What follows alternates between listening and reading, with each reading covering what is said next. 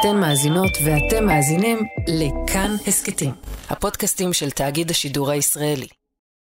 היי, אתם ואתן על חיות כיס, אני צליל אברהם. עולמה של מאירה חרב עליה במרכז הרפואי לאלצהיימר בבית החולים שיבא. היא הגיעה לשם עם אימא שלה לפני תשע שנים, אחרי שהאם הרגישה שמשהו לא בסדר. היא אמרה, אני הולכת לשוק, ואני עומדת שם, ואני לא יודעת למה באתי בכלל. אני הולכת לסופר גם, אותו דבר. ואני פתאום קולטת שאני שואלת, אמא, אכלת? לא, אני לא יודעת, אני, אני לא, אני לא, כאילו, הבנתי שהיא לא כל כך זוכרת איך להכין, ואיך להדליק את האש, ואיך אה, להדליק את הטלוויזיה, ופתאום אתה מגלה במקרר דברים שלא אמורים להיות שם. פעם אמא שלי לא השאירה סיר במקרר, או כוס במקרר, כל מיני סימנים שמצביעים על כך שיש בעיה. מאירה ואימה נדדו בין רופאים שאמרו שהכל בסדר איתה, עד שהם הגיעו לפסיכוגריאטרית בתל השומר. היא התחילה לעשות את המבחן הזה שעושים באבחון, ואני קולטת שאימא שלי לא יודעת איפה היא נמצאת, היא לא יודעת איזה יום היום, היא לא יודעת איזה חודש, היא לא יודעת איזה שנה. אימא שלי, שכל כך יודעת הכל, הכל, הכל, הכל, היא שואלת אותה, מה השמות של, של בנותייך, היא אומרת לה, אבל של הנכדים היא לא כל כך זוכרת. מאירה הרגישה שהיא לא מסוגלת להישאר בחדר. אמרתי שאני יוצאת קצת להתאוורר, וזו מעין חותמת. זו חותמת שאומרת לך, זה זה. נפגשתי עם מאירה במרכז המסחרי בעיר מגוריה, גבעת שמואל, תשע שנים לאחר שהרופאה אבחנה את אמה כחולה בדמנציה. היום, אחרי כמעט עשור של טיפול בהם, היא מעידה על עצמה שהיא לא אותה אישה שהיא הייתה כשהכל התחיל. אני בן אדם אחר. אי אפשר לסחוב על הגב את הכל. אני פחות סבלנית, פחות משקיעה בבית, אני פח... זה, זה חייב להיות אחד על חשבון השני. אני פחות משקיעה בעבודה, אני כאילו כל כך לא רוצה אפילו בכלל לעבוד. הראש במקום אחר, אני עושה את זה כי אני חייבת. גם הסיוט של עירית התחיל בבת אחת. באפריל לפני ארבע שנים, אימא שלי התחילה לאבד את הראייה, והיא נפלה בלילה, היא קמה לשירותים ונפלה, ובדיעבד הסתבר שהיא שברה חוליה בגב. והיא פשוט מאישה שתפקדה עצמאית לגמרי, הפכה לתלויה לגמרי. וזה היה ממש מעכשיו לעכשיו. כאילו, באתי בבוקר, ראיתי אותה, לקחתי אותה לבית חולים, הבנו שהיא שברה חוליה, וזהו, וכבר נשארתי פה. ואני בת יחידה, אז כך שלא היה, לא היו הרבה אופציות. לאחר ארבע שנים של טיפול ביתי, היא עדיין מלקקת את הפצעים. אני היום מבינה באיזה סיר לחץ הייתי כל הארבע שנים האלה כשהעסקתי עובדת זרה. זה באמת, זה היה נורא. ולהיות פה כל הזמן, ולהבין שהכסף פה, הגמלה מביטוח לאומי, זה בעצם חלק הכי קטן בכל הסיפור הזה. והמעמסה הנפשית, והמעמסה הרגשית, והמעמסה הפיזית, באמת, זה, זה אי אפשר לתאר את החיים האלה. אנחנו יושבות בבית הוריה בתל אביב. הבית ריק, אמה נפטרה לפני יותר משנה. אביה הלך והידרדר עד שלבסוף היא העבירה אותו לבית אבות. עירית, כמו מאירה, נראית כאילו היא עברה מלחמה. אז השבוע בחיות כיס 24-6, סיפור שבו כולם מפסידים. על המשפחות שמוצאות את עצמן לבד מול בירוקרטיה בלתי אפשרית, על המטפלים הסיעודיים שעובדים ללא הפסקה במשך שנים, ועל המדינה שנמנעת מלהיות שם ומשאירה את שתי הקבוצות האלה לבד, תלויות אחת בשנייה.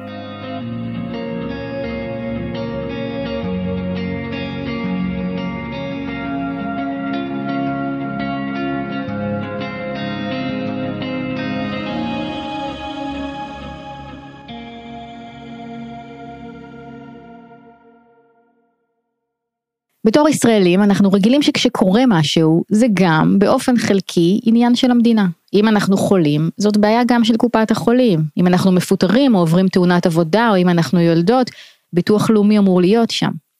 נכון, הפתרונות האלה לא תמיד מלאים והבירוקרטיה קשה ומסובכת, ובכל זאת, זאת גם בעיה של מישהו אחר, זה גם התפקיד של המדינה, זה כמעט ברור לנו מאליו.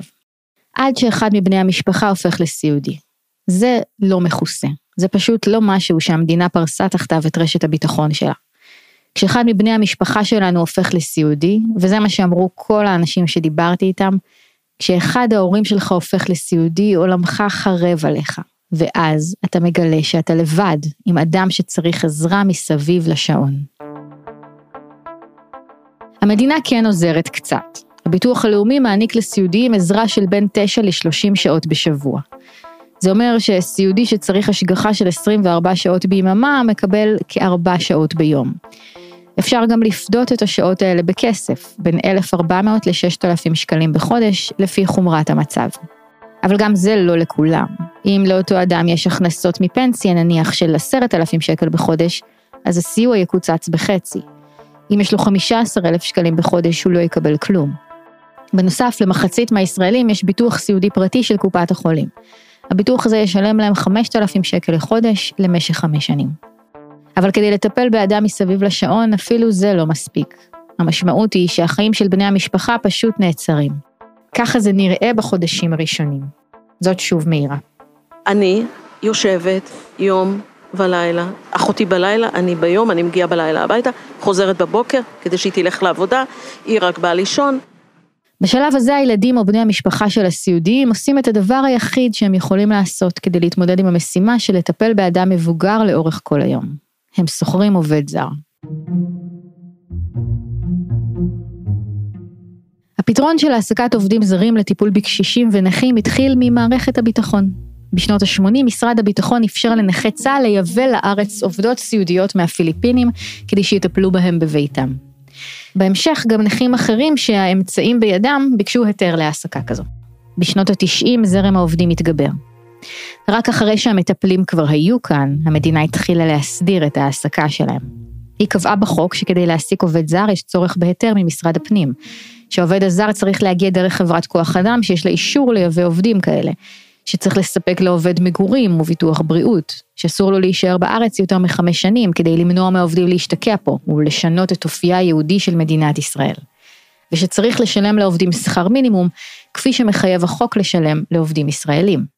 מה בדיוק אופי העבודה, מה הדרישות שלה, מה הזכויות הסוציאליות של העובדים, כל זה לא ממש הוגדר, והמדינה די העלימה עין. עד שהעובדים התחילו להגיע לבתי הדין לעבודה. בשנת 2000 הגיעה תביעה לבית הדין לעבודה בתל אביב. את התביעה הגישה אישה בשם יולנדה גלוטן. יולנדה גלוטן הייתה עובדת סיעודית מהפיליפינים. היא הגיעה לישראל כדי לעבוד כאן, והתקבלה לעבודה בבית של קשישה בשם לאה יעקב. יעקב הייתה מחוברת למכונת הנשמה, וכל כמה שעות היה צריך לשאוב את עודפי הריר שהצטברו בה. חוץ מזה, גלוטן הייתה צריכה כל הזמן להיות בכוננות למקרה שצינור ההנשמה התנתק. תמורת העבודה הזו היא קיבלה 500 דולר לחודש, 2,200 שקלים. שכר המינימום אז היה 2,900 שקלים. אחרי שנה התפטרה והגישה תביעה נגד המעסיקה שלה לשעבר. היא דרשה לקבל את כל התשלומים שמגיעים לכל עובדת ולכל עובד בישראל. השלמה לשכר מינימום, ימי חופשה, דמי הבראה וגם תשלום על ארבע שעות עבודה נוספות ביום. בית המשפט קבע שצריך לשלם לה את כל התשלומים האלה, חוץ מהתשלום על שעות נוספות. המקרה הזה התגלגל במשך עשר שנים בבתי המשפט, והגיע עד לדיון נוסף בבית המשפט העליון. עשר שנים לאחר התביעה המקורית התחבטו השופטים בשאלה שהם ידעו שתקבע איך יראו החיים של הסיעודים בישראל במשך שנים רבות קדימה.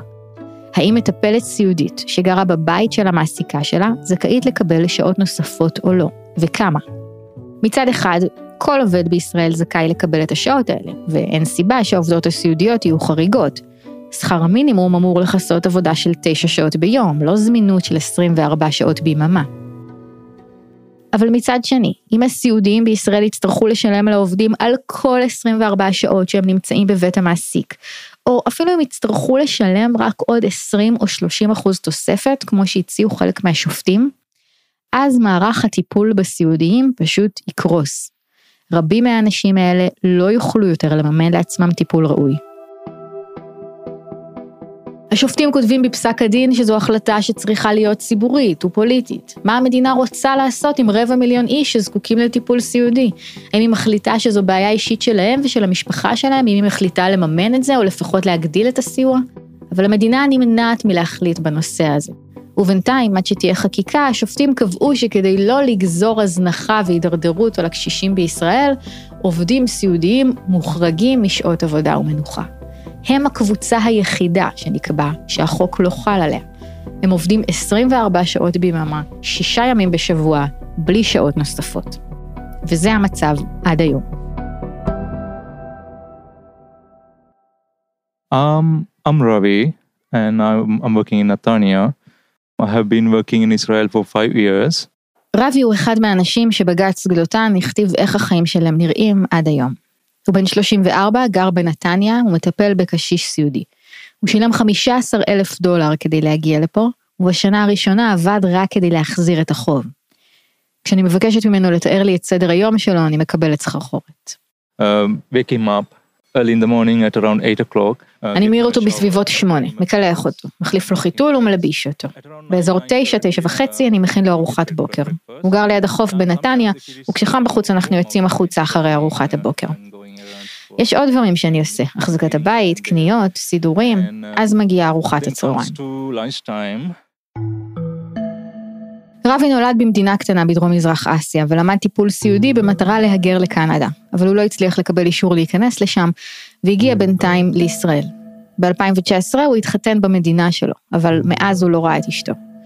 אנחנו נפגשים בגינה ציבורית ליד בית המעסיקים שלו בנתניה בשעה תשע בערב, אחרי שיום העבודה מסתיים. הצעתי לו להיפגש ביום החופשי שלו, אבל אין יום כזה. When is your day off? Um, actually, I work uh, seven days a week, but Saturday I work less hours because they don't require me to be uh, at house full time. But you would like to have a day off? To have more days off? I would love to have a day off at least two times a month. החוק קובע שלעובדים הסיעודיים יהיה יום חופש אחד בשבוע, 25 שעות. אבל מותר להם, אם המעסיק מעוניין, לבחור כן לעבוד ביום הזה, ולקבל על כך תשלום נוסף, כ-360 שקלים לכל שבת שבה עובדים. רבי לא רוצה לעבוד כל כך הרבה, אבל הוא הבין שזה מה שמצפים ממנו, פשוט כי למטופל שלו אין פתרון אחר. על עבודה של שבעה ימים בשבוע, רבי מקבל 6,000 שקל בחודש. את רובם הוא חוסך, חלק הוא שולח לאמו ולאחיו במדינה ממנה הוא בא. כשאני מנסה לחלץ ממנו אם הוא מרוצה מחייו, הוא חוזר שוב על המטרה שלו, להגר לקנדה, ועל זה שהוא בר מזל שהוא גר קרוב לים, ושהמשפחה מתייחסת אליו יפה.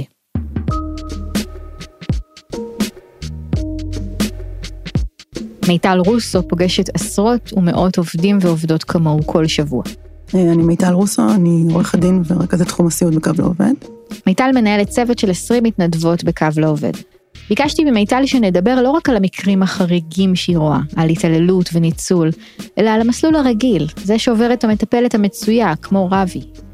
מיטל פרסה בפניי את הדרך של מטפלת כזו בישראל. דרך שמתחילה קודם כל במעבר דרך שכבות של מתווכים. עובדת סיעוד, כשהיא מגיעה לישראל, מי שמגייס אותה היא סוכנות גיוס מקומית שעובדת עם סוכנויות ישראליות, מה שמכונה לשכות פרטיות אה, לתיווך אה, עובדים זרים. Mm-hmm. כל העובדות שפגשתי שילמו דמי תיווך בארצן. אה, הרבה פעמים זה סוכנות מקומית שלה משלמים את הסכומים, הרבה פעמים, פעמים אני שומעת ש... את לוקחת הלוואה ממישהי, מאיזה עובדת בארץ, שאחר כך את מחזירה לה, כל מיני כאלה דברים. העובדות משלמות בין 10,000 ל-15,000 דולר כדי להגיע לכאן, ובשנים הראשונות שלהן בארץ הן רק משלמות את החוב. לאחרונה ישראל חתמה הסכם בילטרלי עם הפיליפינים שמוציא מהמשוואה את המתווכים ומאפשר לעובדות להגיע בלי לשלם דמי תיווך. אבל בשאר המדינות העובדים עדיין צריכים לשלם. אחת הסיבות שהמטפלות בוחרות לעיתים קרובות לעבוד בכל השבתות היא כדי לשלם את החוב.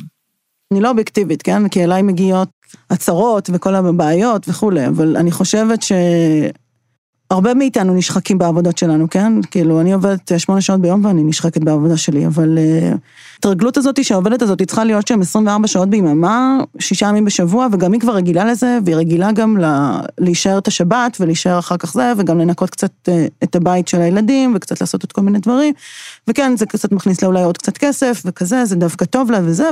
זה לא בריא לעבוד את העבודה הזאת. זה לא בריא לעבוד כל כך הרבה. זה לא בריא לעבוד ללא מנוחה. זה לא בריא להיות כל כך רחוקה מהבית. זה לא בריא שאסור לך לקיים מערכת יחסים עם... מהגרות עבודה לא יכולות לנהל מערכת יחסים עם מהגרי עבודה אחרים. זה אסור לפי נהלי משרד הפנים. לא כל הסיעודיים דורשים עבודה מסביב לשעון. רבים מהם צריכים עזרה מעטה יחסית, ולעובד יש לא מעט זמן פנוי לנוח. אבל עובדי הסיעוד הזרים, מזכירה מיטל, הם האוכלוסייה היחידה שגרה במקום העבודה. הם לא רק ישנים שם מדי פעם, כמו רופאים למשל, או מדריכים בפנימיות. זה הבית שלהם, והם זמינים לעבודה כל הזמן. לא צריך יותר מדי לחשוב על זה.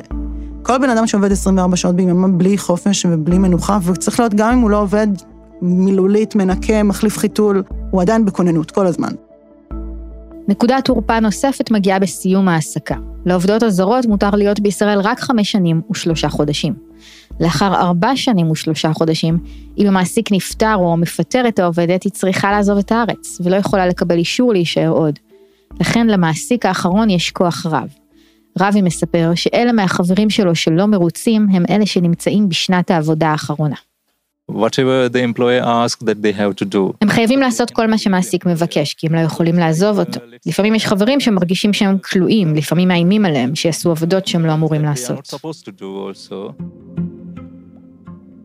מיטל רואה את העובדות גם כשהן עוזבות את מקום העבודה, כי הן מתפטרות או כי הסיעודי שהן טיפלו בו נפטר. אז היא והמתנדבות שלה עוזרות לעובדות לקבל את התנאים הסוציאליים שלהן בסוף העסקה, פנסיה, פיצויים ופדיון ימי חופשה. אחרי כמה שנים של עבודה, הסכומים האלה מצטברים לכמה עשרות אלפי שקלים, שהמשפחות לא ציפו שיצטרכו לשלם. ואז הרבה פעמים היחסים מתפוצצים. וואלה, יש להם כוח לעובדות סיעוד, יש להם כוח. אם הם לא היו, אז כלכלה ישראלית הייתה בבעיה מאוד קשה, כן? כי כל הבני משפחה שצריכים לטפל בהורים שלהם, זה שווה הרבה יותר מכסף, אבל קשה, קשה לשלם על זה.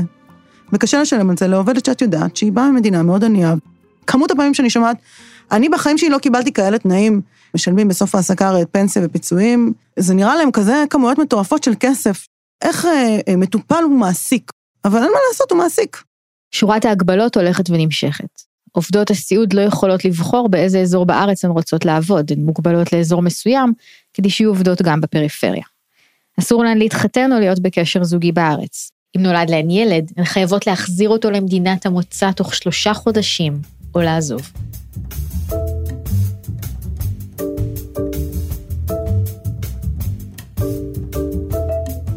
כל ההגבלות האלה הופכות את חיי העובדות הזרות לקשים ומוגבלים, אבל נדמה שהן לא מקלות כמעט בכלום על המשפחות של הסיעודיים. למרות שהמטרה של בג"ץ גלוטן המפורסם הייתה לדאוג שהמשפחות של הסיעודיים לא יכרעו תחת הנטל, הן כורעות תחת הנטל.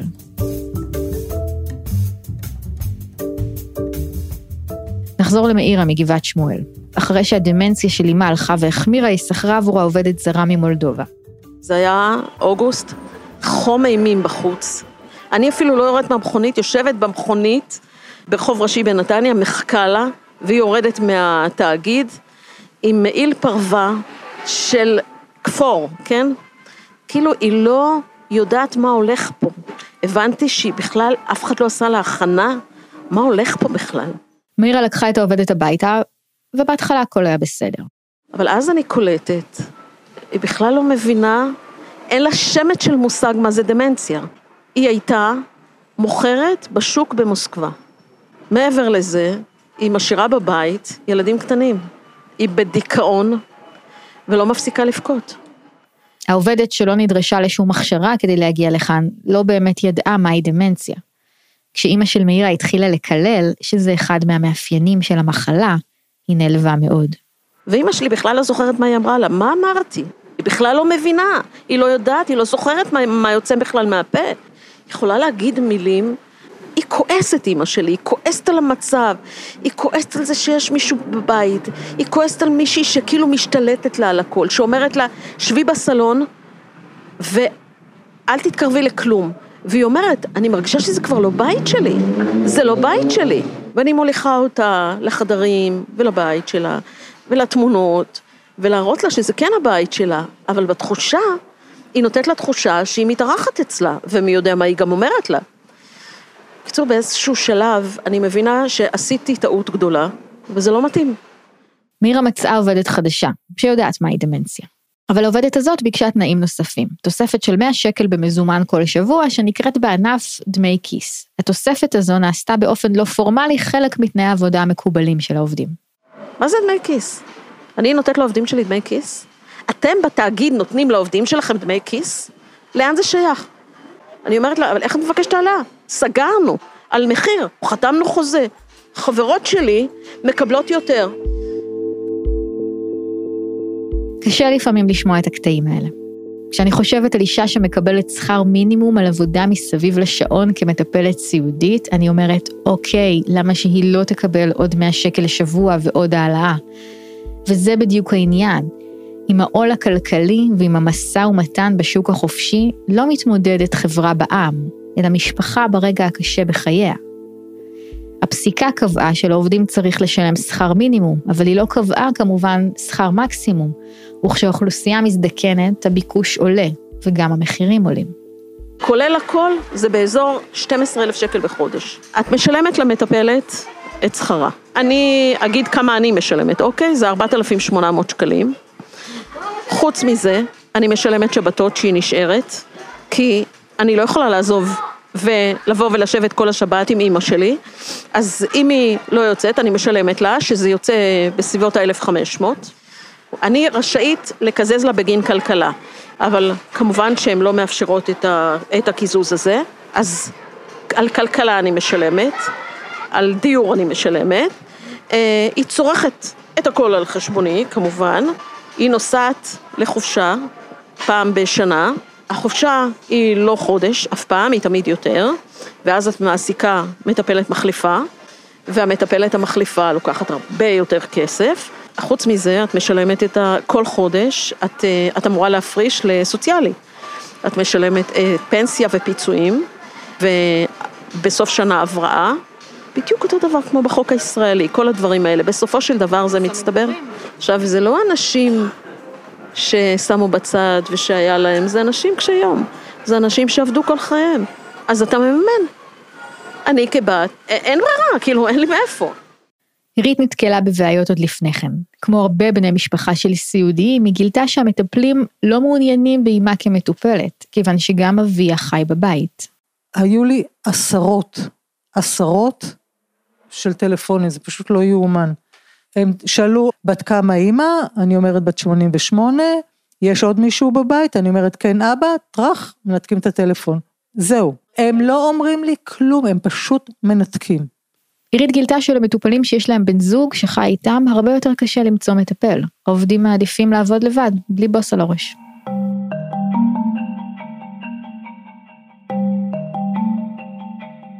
לאחר שאימה נפטרה, עירית שוב חיפשה מטפל חדש, גבר שיטפל באביה. גם הפעם היא גילתה שמקום העבודה שהיא מציעה לא מבוקש בשוק החופשי. חלק מהמטפלים שהרימו טלפון, כשהם שמעו שהוא בן 97, אמרו לי, אה, טוב, תודה רבה וסגרו. אז אני הבנתי שהגיל שלו הוא בעיה. והרמתי טלפון לתאגיד, ואמרתי לה, תקשיבי, אני אומרת שהאבא שלי הוא בן 92. ואז היא אמרה לי, בטוח, כי הם לא יכולים להישאר, אחרי שהמטופל השני שלהם נפטר, הם חייבים לעזוב את הארץ. אז היא אמרה לי, אוקיי, אז אנחנו נגיד שהוא בן 92. זה היה הסיפור.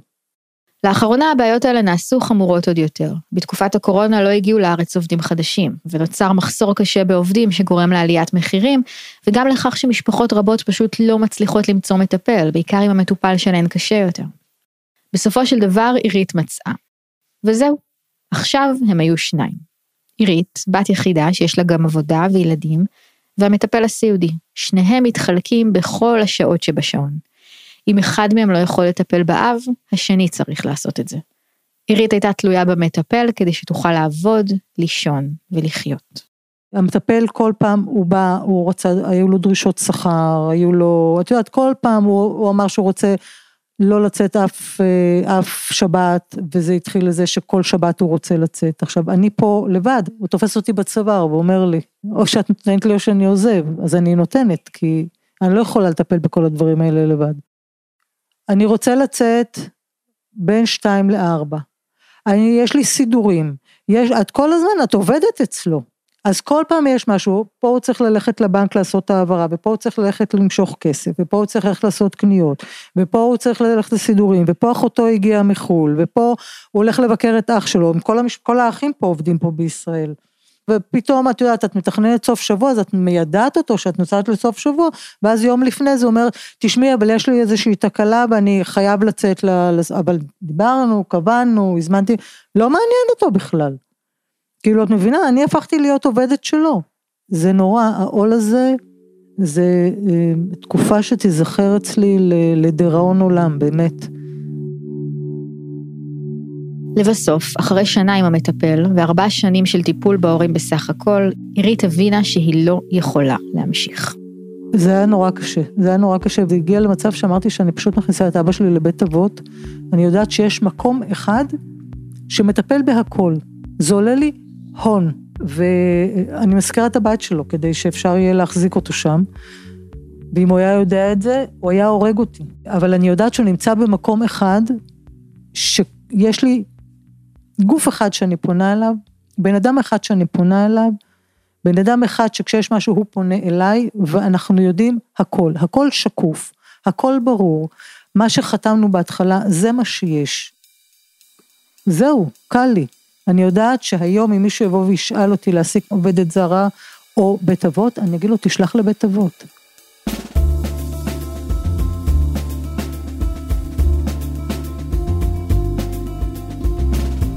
המסע המסויט של עירית בניסיון להבין בכלל מה החוקים שהיא צריכה לעמוד בהם ומה החובות שלהם, חזר על עצמו בכל השיחות עם בני משפחה.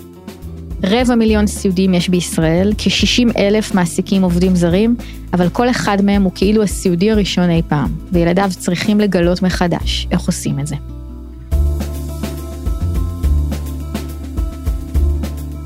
אנחנו רגילים לחשוב על הסכמי עבודה בצורה מאוד פשוטה. עם צד אחד חלש מאוד, הצד השני חזק. אם צד אחד מנוצל, הצד השני מנצל. ואם החיים של העובדים הזרים קשים כל כך, אלה אנחנו, הישראלים, שמקשים עליהם יותר מדי. אבל מהשיחות שלי עם עירית ועם מאירה ועם ילדים אחרים לסיעודיים, גיליתי שזה לא כל כך פשוט. המטפלים חלשים ומנוצלים, אבל גם המטופלים. כיוון שמבחינת המדינה, קשיש סיעודי שסובל מדמנציה ומתקיים מפנסיה קטנה ומקצבת זקנה, מבחינתה הוא צריך לעמוד בדיוק באותם חובות שיש לרמי לוי כשהוא מעסיק עובדים, ולהתנהל בשוק החופשי. אם אני היום הייתי רוצה דבר אחד, אני לא רוצה להיות מעסיקה שלהם, אני רוצה שיהיה גוף אחד שהוא המעסיק שלהם. וזהו, לא רוצה להתמודד עם זה יותר, כי אני רואה היום, ההקלה היא שאני לא מעסיקה עובד זר. לא מעסיקה עובד זר. יש לי פתאום שקט. באמת. תשמעי, אני כבר ארבע שנים, אני כמעט כל שבת פה, אני באמצע שבוע פה, אני... ההורים שלי, אני באה לבקר אותם, אני לא רוצה לטפל בהם. אני רוצה את ההורים שלי כהורים. אני רוצה להיות הבת שלהם, אני לא רוצה להיות המטפלת שלהם. אני יכולה לטפל בכל בן אדם אחר, אני אחות, אני, אני הייתי אחות הרבה מאוד שנים בבית חולים. ולא היה לי בעיה לטפל באף מטופל, וכל מטופל קיבל את הכל. אבל ברגע שזה מגיע להורים שלי, אני לא רוצה להיות מטפלת שלהם. כל הזמן אמרו לי, תשמעי, בטח נורא קל לך, כי את אחות. אמרתי, לא. אני עם ההורים שלי, אני בת שלהם. מי מסוגל? מי יכול לעבוד, לעמוד בזה? מי? ואין גוף שיתמוך בך. תנו לי יד, ותוליכו אותי בדרך. כמו שאת שואלת אותי, מה היית אומרת למי שמתחיל את זה עכשיו? בוא אליי, אני אתן לך את היד. אני אתן לך את היד. כי אין מישהו אחר שייתן לך את היד. אין שום גוף שנותן לך יד. להפך, הם רק מערימים קשיים.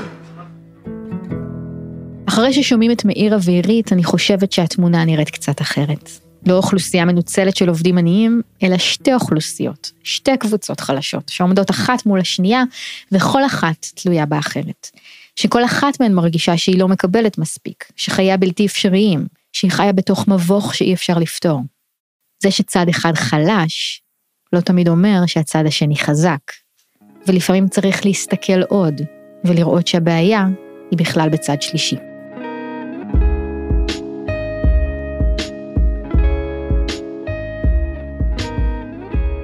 הטיפול באדם סיעודי עולה אלפי שקלים בחודש, בין 7,000 ל-15,000. תלוי אם המטפל יוצא לימי חופשה וכמה, ותלוי גם את מי שואלים. המדינה מממנת לכל היותר מחצית מזה, לפעמים הרבה פחות, לפעמים כלום. מתוך 15 מיליארד שקלים בשנה על טיפול סיעודי, המדינה משלמת 55 אחוז, פחות כמעט מכל מדינה אחרת ב-OECD. את השאר משלמות חברות הביטוח, ובעיקר הסיעודיים ובני משפחתם, שהם מגשרים על הפער הזה לא רק בכסף, אלא גם בעבודה קשה ושוחקת. הרעיון של ביטוח סיעודי ממלכתי שיכסה את כולם עולה מדי פעם, אבל הוא לא עבר עד היום, בין השאר כי הוא יצריך להעלות מיסים. דיברנו על כך בהרחבה בפרק אחר של חיות כיס שנקרא חייבים לדבר על הביטוח הסיעודי. אבל הפער הוא לא רק כספי. המדינה לא רק נמנעת מלממן את כל הטיפול הסיעודי, היא פשוט לא רוצה להתעסק בו. משפחה של אדם סיעודי צריכה להתנהל לבדה מול ביטוח לאומי, רשות האוכלוסין וההגירה, חברת כוח אדם פרטית ולפעמים גם חברת סיעוד. אם יש בעיות, אז היא צריכה לפנות לזרוע עבודה במשרד הכלכלה. אף אחד לא מתאם בין הגופים האלה, אף אחד אפילו לא מסביר לסיעודים מה החובות והזכויות שלהם. ברגע הקשה בחייהם, כשהם זקוקים לטיפול, לתמיכה ולרשת ביטחון, דווקא ברגע הזה הם מוצאים את עצמם נאלצים להתחרות על טיפול בשוק חופשי ותחרותי. ובתחרות הזאת, להפסד יש מחיר כבד. שאלתי אותך אם יש לך, אם ההורים שלך בחיים, ואת אמרת כן. ואני אומרת לך שאני מאחלת לך, שכשההורים שלך יגיעו לגיל של ההורים שלי, המצב הזה כבר ישתנה. שאת כבר לא תצטרכי לעבור את מה שאני עכשיו סיפרתי לך. ואני יחסית למה שאני רואה ולמה שאני שומעת, אני עוד במצב טוב, מה שנקרא. אבל מה שאני יכולה להגיד לך זה שהיום שאני רואה את ההורים שלי, זה שאני לא אגיע למצב שבו ההורים שלי, שאימא שלי הייתה ואבא שלי נמצא היום. ואני יודעת שאני, למצב של ההורים שלי בשלוש ארבע שנים האחרונות, אני לא אגיע. אני לא אתן לעצמי להגיע. אני כבר הכנתי את הילדים שלי שאני, כמו ההורים שלי, לא אסיים את החיים שלי, וגם הם לא יהיו שם באותו מצב שאני נמצאת היום מול ההורים שלי. אני אדאג שזה לא יקרה. ואת שאלת אותי איך אני אדאג, ואמרתי לך אני אחות. ואני יודעת בדיוק איך לדאוג שזה לא יקרה.